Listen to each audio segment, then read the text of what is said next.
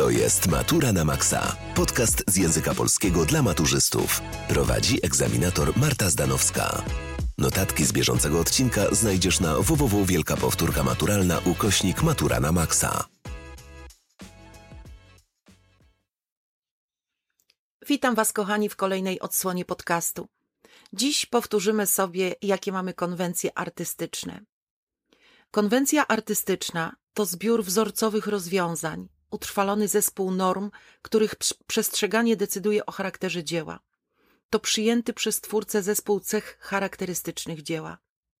Konwencja dotyczy między innymi zasad tworzenia, wyboru tematów i motywów, doboru środków wyrazu, sposobu kreowania bohaterów.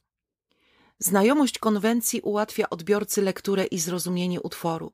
Większość utworów literackich zostało napisanych według określonych zasad. Z tym zagadnieniem możesz się zetknąć na maturze pisemnej, na przykład w teście, i jako temat do omówienia na maturze ustnej. Jakie zatem mamy konwencje artystyczne? Konwencja realistyczna. Konwencję realistyczną wyróżniają bogate opisy i wierne odwzorowanie charakterów postaci, miejsc, wyglądów wnętrz czy sytuacji.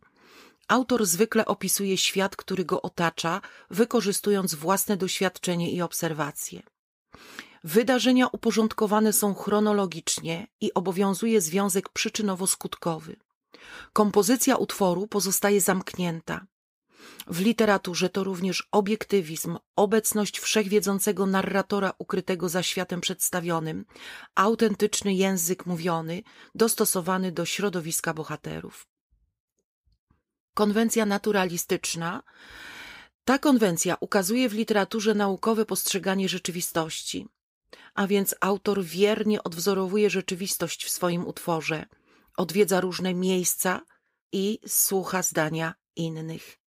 Konwencja naturalistyczna cechuje się obiektywnym, wręcz fotograficznym opisem rzeczywistości, nawet z jej ciemną stroną, a więc pojawiają się opisy kalectwa, brzydoty, przemocy. Człowiek postrzegany jest jako część natury, ponieważ na jego zachowanie wpływają pierwotne instynkty. Występuje subiektywny bohater, którego losy determinuje pochodzenie i status społeczny. Konwencja symboliczna. Symbolistom zależało przede wszystkim na tym, by tematyka ich utworów nie odnosiła się do świata rzeczywistego, możliwego do poznania przy pomocy zmysłów.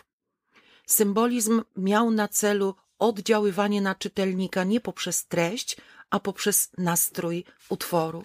A więc utwór poetycki miał wzbudzać określone emocje i angażować odbiorcę.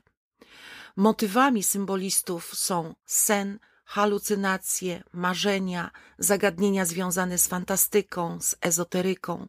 Dążono do wyrażenia tego, co niewyrażalne. Zanim przejdziemy dalej, zapisz się na wielką powtórkę maturalną. Cztery godziny omawiamy cały materiał wymagany na maturze. Do wyboru aż 10 przedmiotów maturalnych. Pamiętaj, że otrzymujesz gwarancję z danej matury. Z kodem Matura na Maxa zgarniesz minus 10% na wszystkie powtórki. Dołącz już teraz na www.wielkapowtórkamaturalna.pl Konwencja groteskowa. Konwencja groteskowa polega na celowym zniekształceniu rzeczywistości. Cechą charakterystyczną jest absurdalność i odrzucenie jednolitego systemu zasad obowiązujących w świecie przedstawionym.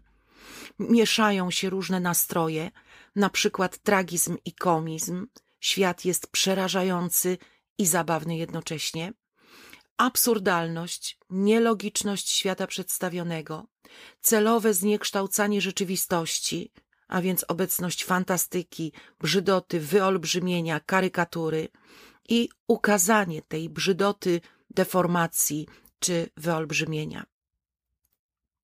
Konwencja fantastyczna, inaczej baśniowa, przypisuje przedmiotom nieożywionym lub ożywionym cechy ludzkie. Bohaterom, bohaterami są zarówno ludzie, jak i zwierzęta. Odchodzi od naśladowania rzeczywistości, wprowadza elementy cudowności, niezwykłości, baśniowości. Konwencja oniryczna. Oniryzm to sposób prezentacji świata przedstawionego tak, aby przypominał sen. Polega na ukazaniu rzeczywistości na kształt snu, marzenia sennego, czasem koszmaru. Nadaje fabule utworu charakter tajemniczości, niejasności i wieloznaczności. Zacierają się związki przyczynowo-skutkowe i logiczne następstwa wydarzeń. Świat marzeń sennych rządzi się własnymi prawami. Konwencja impresjonistyczna charakteryzuje się opisywaniem ulotnych i subiektywnych doznań oraz nastrojów.